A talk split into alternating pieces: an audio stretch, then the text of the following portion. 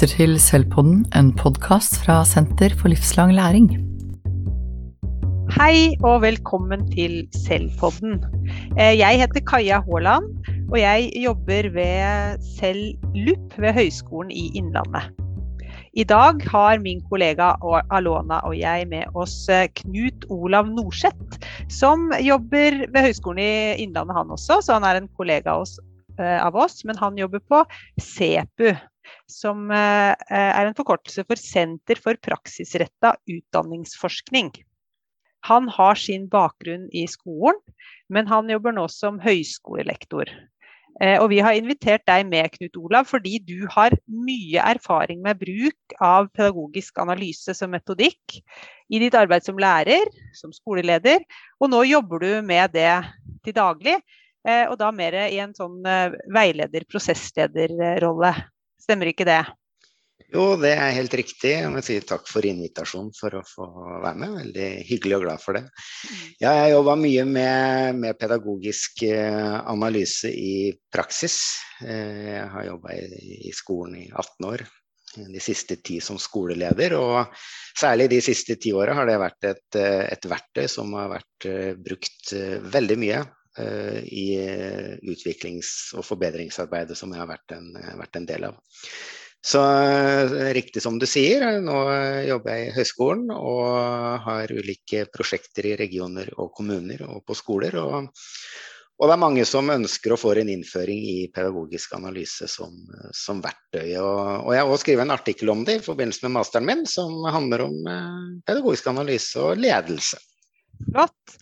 Vi har jo invitert deg da med tanke på eh, pedagogisk analyse til bruk i barnehagesektoren. Eh, og, eh, og, det er jo kanskje ikke så utbredt eh, som metodikk der, men vi, vi, tenker at det kan være veldig nyttig i en barnehagesetting å bruke pedagogisk analyse som et sånt systematisk verktøy. Eh, og Alona, kan ikke du si litt mer om hvordan du tenker at eh, pedagogisk analyse kan være være fin å bruke i barnehagen? Ja, vi har jo invitert deg hit fordi vi tenker at det kan være et verktøy for å se på eh, praksis systematisk. Så kan ikke du Knut Olav, si litt om hva er pedagogisk analyse, og hvordan kan man bruke denne modellen?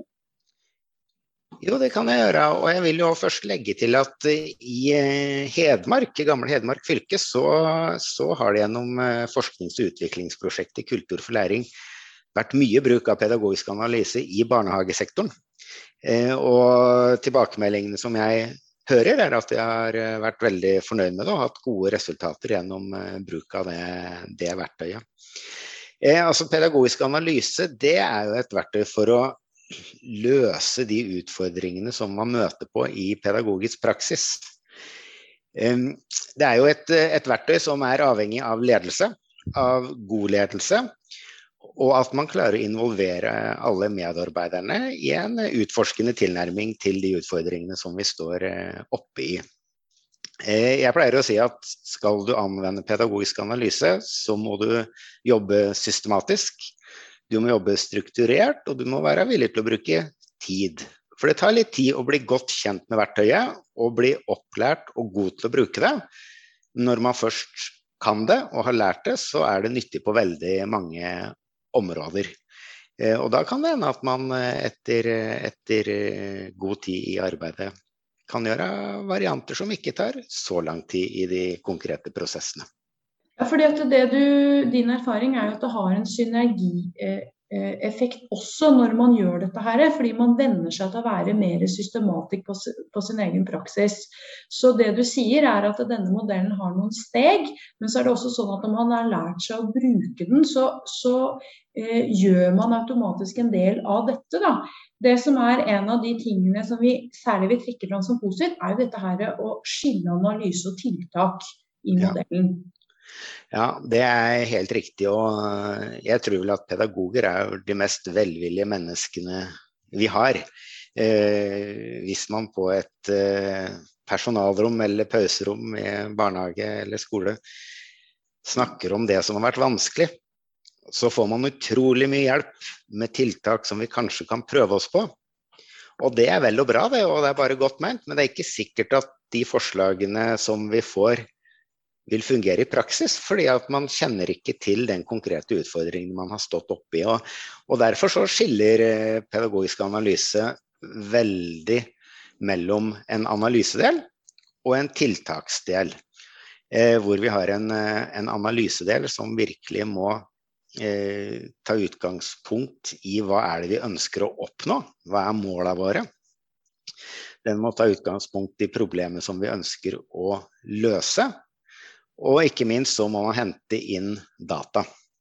Og data kan være litt sånn farlig ord i den pedagogiske verden, for vi tenker tall og statistikk og tabeller. Og det er det også, i den grad vi har det. Men vi må huske på at data det er mye annet. Det er eh, f.eks. observasjoner.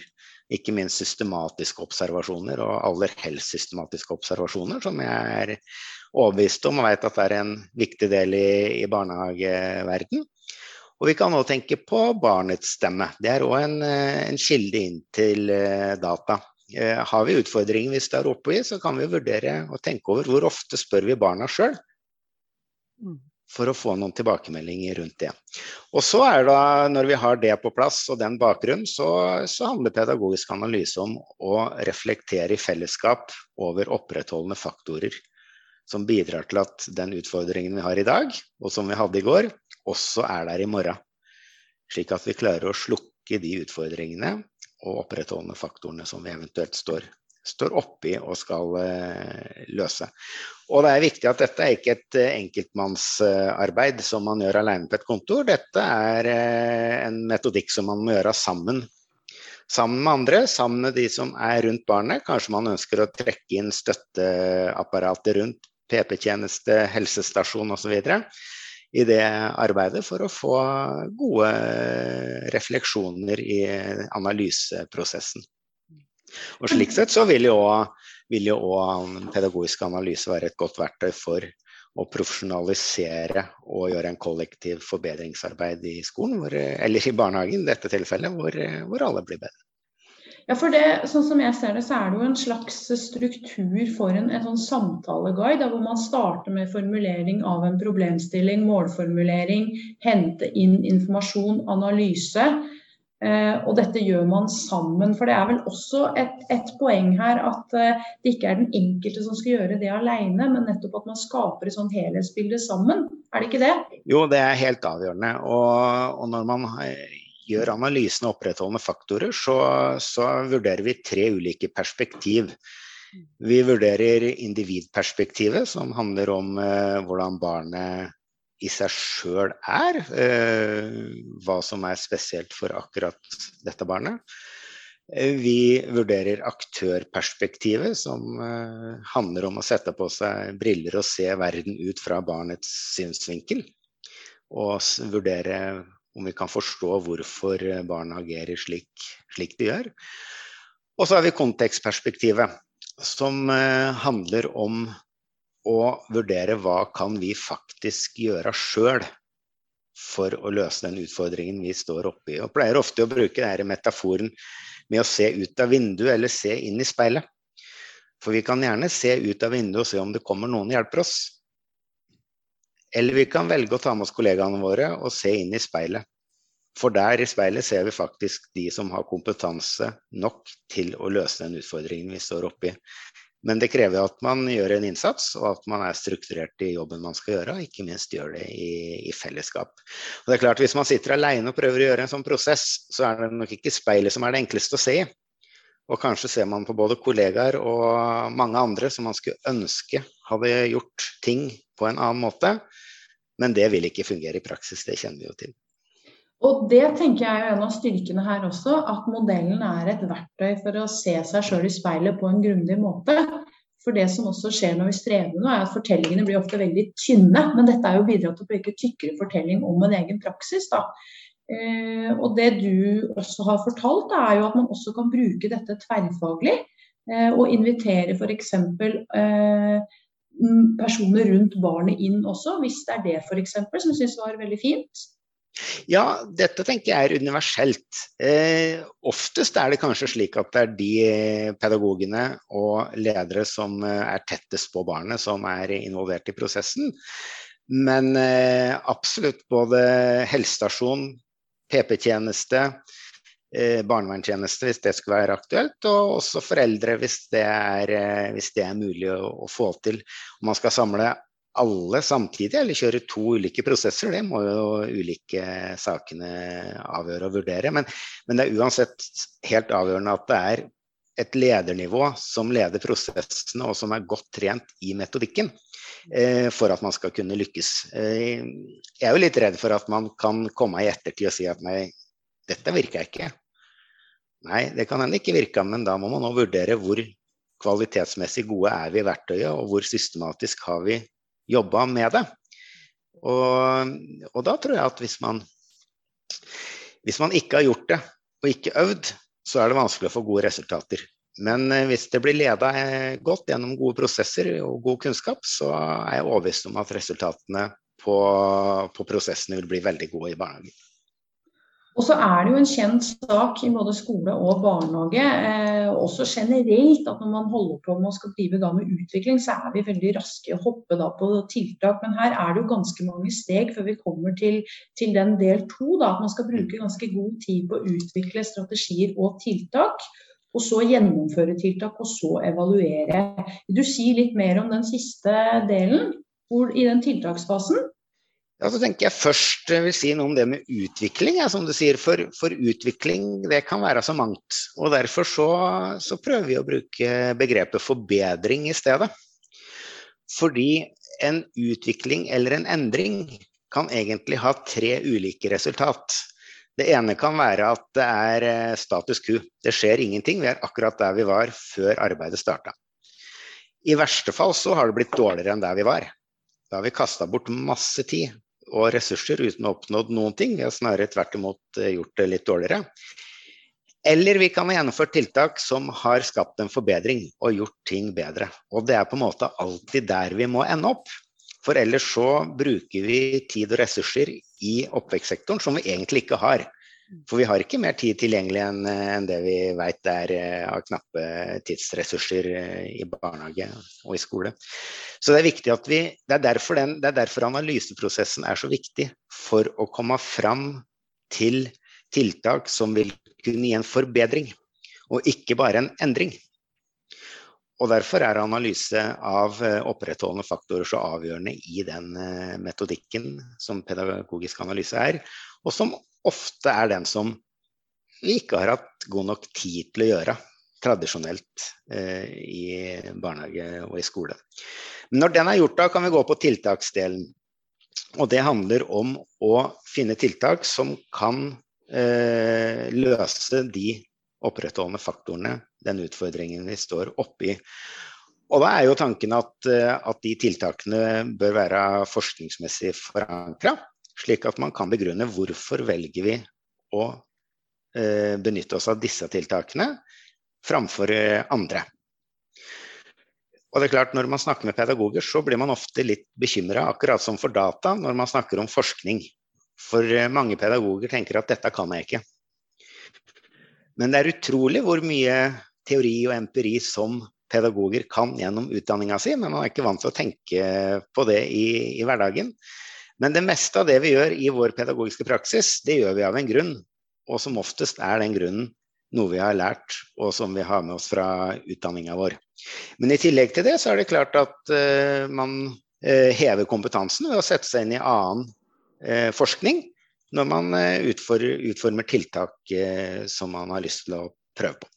Mm, og det er jo det vi også tenker at denne modellen har en synergieffekt også for et profesjonsfellesskap. fordi at som du sier, du setter ord på fagspråk og etterspør det i det vi tenker at det vi gjør skal jo være begrunna i noe forskning f.eks. Mm.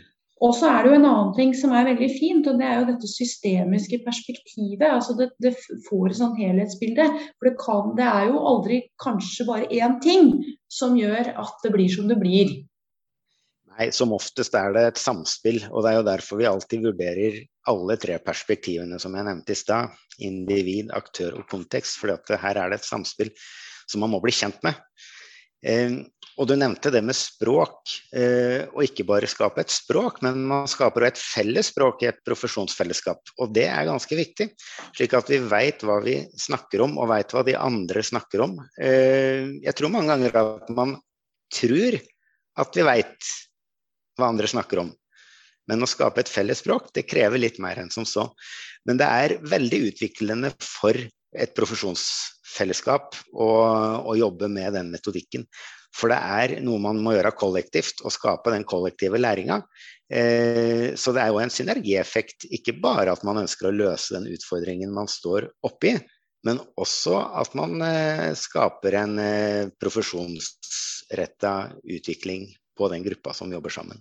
Jeg har lyst til å, du, Dette med tid er jo en utfordring som du nevnte, Knut Olav. og Det er det jo i alle både i skole, men også særlig i barnehage. Det med felles tid til å kunne gjøre denne jobben. Samtidig så hører jeg nå at eh, pedagogisk analyse blir på en måte som en, en investering. Der du får eh, sikre deg sånn at du blir mer treffsikker da, på tiltakene. Sånn at du ikke kaster bort masse tid på å prøve ut ting som ikke virker. Um, det stemmer vel godt på sånn du ser det? Jeg syns å bruke begrepet investering er veldig lurt. Eh, hvis, for en investering handler om at man må bruke noe for å høste inn mer mm. seinere. Og det er klart at investeringa handler om å tilegne seg kunnskap om verktøyet og øve på å bruke det. Og så kan man høste gjennom å løse utfordringer på en mye mer profesjonell og god måte, som faktisk gir et forbedra resultat. Og så er det klart at tid det er krevende i alle sektorer, og i barnehagesektoren er det lite fellestid som man har til, eh, til rådighet. Så det må jo være slik at, eh, at det er en eh, ledelse som prioriterer at tida skal bli brukt til å ha opplæring i verktøyet og at man prioriterer tid til å anvende det på konkrete saker som angår de ansatte i etterkant. Eh, så tenker jeg man vurderer vurdere om man skal trene opp et, en ledergruppe først, slik at de blir trygge og sikre i verktøyet. Men man må huske på at det er alle de øvrige ansatte som må ta del i prosessene sammen med lederne for å få det eierforholdet, og faktisk være med på å utforme de tiltakene som er nødvendig å prøve å utforske. Det. Men jeg tenker i barnehagesammenheng også, så er det jo viktig å si som du sier, at lederen kan lede det. Men det er jo også veldig viktig å ta med seg en del av den erfaringsbaserte og brukerbaserte kunnskapen ja. som assistentgruppa har. da. Sånn at du vil vel si at du tenker at selv om lederen skal lede det, så kan assistenter i barnehage og fagarbeidet absolutt være med i en prosess rundt dette her. Ja, i høyeste grad. Og den kunnskapen de har som er tett på barnet, den er jo avgjørende for å ha god nok eh, datagrunnlag til å kunne ta og reflektere rundt opprettholdende faktorer i en analyseprosess. Så de må i høyeste grad være med, og den erfaringskunnskapen de har med, den er viktig. Eh, tanken om ledelse i eh, arbeidet med pedagogisk analyse handler om å lede prosessene.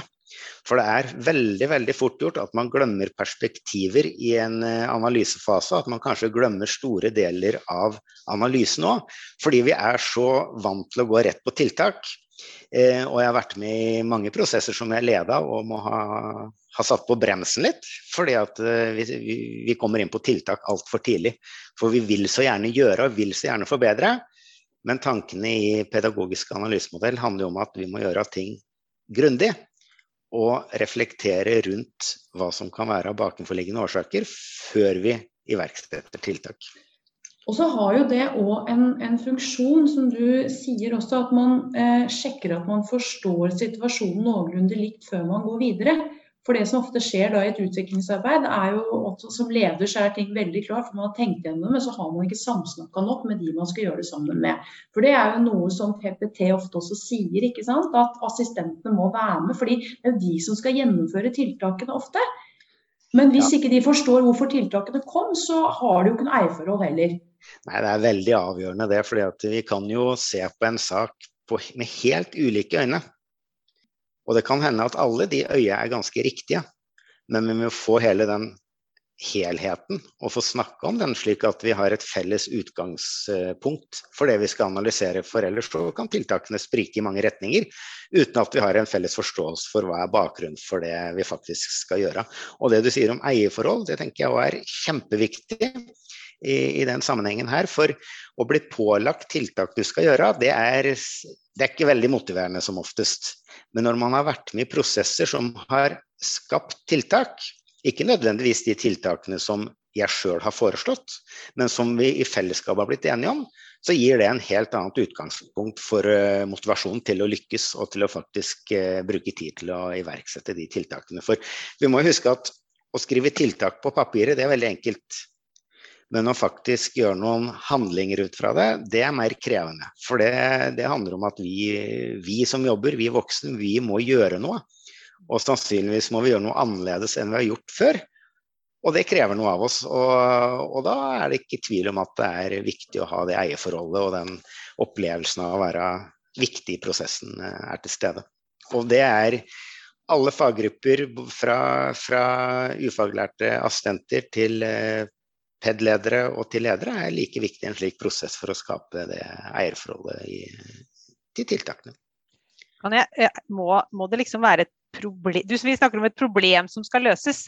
Eh, og det har jo ofte litt sånn negativ eh, Eller at her er det noe feil. Vi må finne ut hva vi kan gjøre for å løse dette problemet. Må det være liksom noe som, som, er, som er, gærent, eller kan man tenke liksom litt sånn styrkebasert at, det er, at det er, vi har, en, har noe vi ønsker å opprettholde? Ja. ja. det er veldig spennende det du er inne på der. For det er klart, har vi en elevgruppe i barnehagen som ikke fungerer særlig bra, så er det ofte der fokuset vårt ligger. For der er det, la oss si, et problem som vi ønsker å løse. Og det er viktig nok, det. Men det er klart, i rommet ved siden av, eller i bygget ved siden av, så kan du ha en elevgruppe eller en barnegruppe som fungerer veldig godt. Og det er klart at da er pedagogisk analyse og et godt verktøy for å avdekke hvorfor er det så bra i den ene barnegruppa. Hva er det av opprettholdende faktorer her som gjør at vi lykkes og får til Eh, det vi ønsker å gjøre. Um, og det kan man jo ta med videre og høste av den investeringa som uh, en analyse gir, og kanskje overføre til, et, uh, til en barnegruppe hvor, uh, hvor, det er større utfordringer. Så at man kan ta tak i det, det, man lykkes med for å forsterke det, det er ikke tvil om. Og kanskje er det slik at har man gode resultater eller gode observasjoner, gode tilbakemeldinger, så tenker man ikke så mye på hvorfor det er sånn. Og det kan jo føre til at man tar vekk eh, tiltak som egentlig er de som, er som, har vært avgjørende for å lykkes. Så jeg er helt enig i det du sier der, Kaja. At å bruke verktøyet til å også analysere der vi er gode, det er viktig. Og så sa du jo noe litt spennende her, fordi vi skal jo være litt varsomme i barnehagesammenheng med dette med å se på enkeltbarn, kanskje. ikke sant? Det er små barn som kanskje ikke i like stor grad som større barn kan gi uttrykk på det. Og så står det i rammeplanen at det skal alltid legges til grunn da, et etisk perspektiv. Men så sier jo du en spennende ting også, at man kan jo også bruke denne modellen noe anonymt. Sånn at man ikke nødvendigvis tar ut enkeltbarn. Da si litt om det. Ja, nei, det kan man, eh, kan man, gjøre. For det er klart eh, det kan være et eh, enkeltindivid, et enkeltbarn, som, som man opplever store utfordringer rundt i, i barnehagen. Det kan hende at de øynene som er tettest på det barnet, har, et, har, med seg et utgangspunkt som kan gjøre det vanskelig å gjøre gode tiltak og gode analyseprosesser. Så å skape og gjennomføre en pedagogisk analyseprosess hvor man tar med andre, enten interne i barnehagen eller eh, henter inn eh, støttesystemene og gjør en prosess på et anonymt barn. Det, eh, jeg har gjennomført det i praksis og vært veldig givende. Altså man vet ikke, noen vet hvem man snakker om, men alle vet ikke hvem man snakker om. Men man har samme datagrunnlag. Man får den samme fortellinga, man har det samme målet, og jobber i fellesskap med å gjøre en analyse av opprettholdende faktorer. Det er klart at Da kommer det opp det kommer ofte opp noen eh, vurderinger og noen refleksjoner som, eh, som, ikke alltid kommer opp hvis man kjenner barnet man, eh, man eh, er i, i analyseprosess med. Da. Så det er absolutt noe å anbefale å gjøre, og særlig de litt krevende situasjonene som jeg er helt sikker på at mange i barnehage står oppe i til daglig. Ok. Nå må vi gå inn for landing, dere. Vi har fått uh, høre mye spennende av deg, Knut Olav, om en uh, modell som er litt, kanskje litt krevende å etablere en felles forståelse for å, å gjøre til kollektiv lærdom, men som samtidig er en god investering på sikt. Så når man blir god til å, bruke modellen, så vil det kunne gjøre en mer treffsikker på tiltak.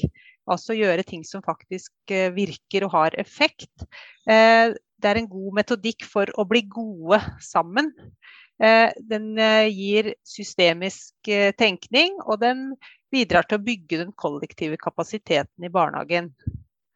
Um, og det Ja, stemmer ikke ja, det? Jo, det stemmer. Og jeg tenker at du sier, du sier at den er krevende, og, og, det er det. Men jeg tenker at modellen i seg sjøl er ikke krevende. Å lære seg gjennomføringa er ikke krevende.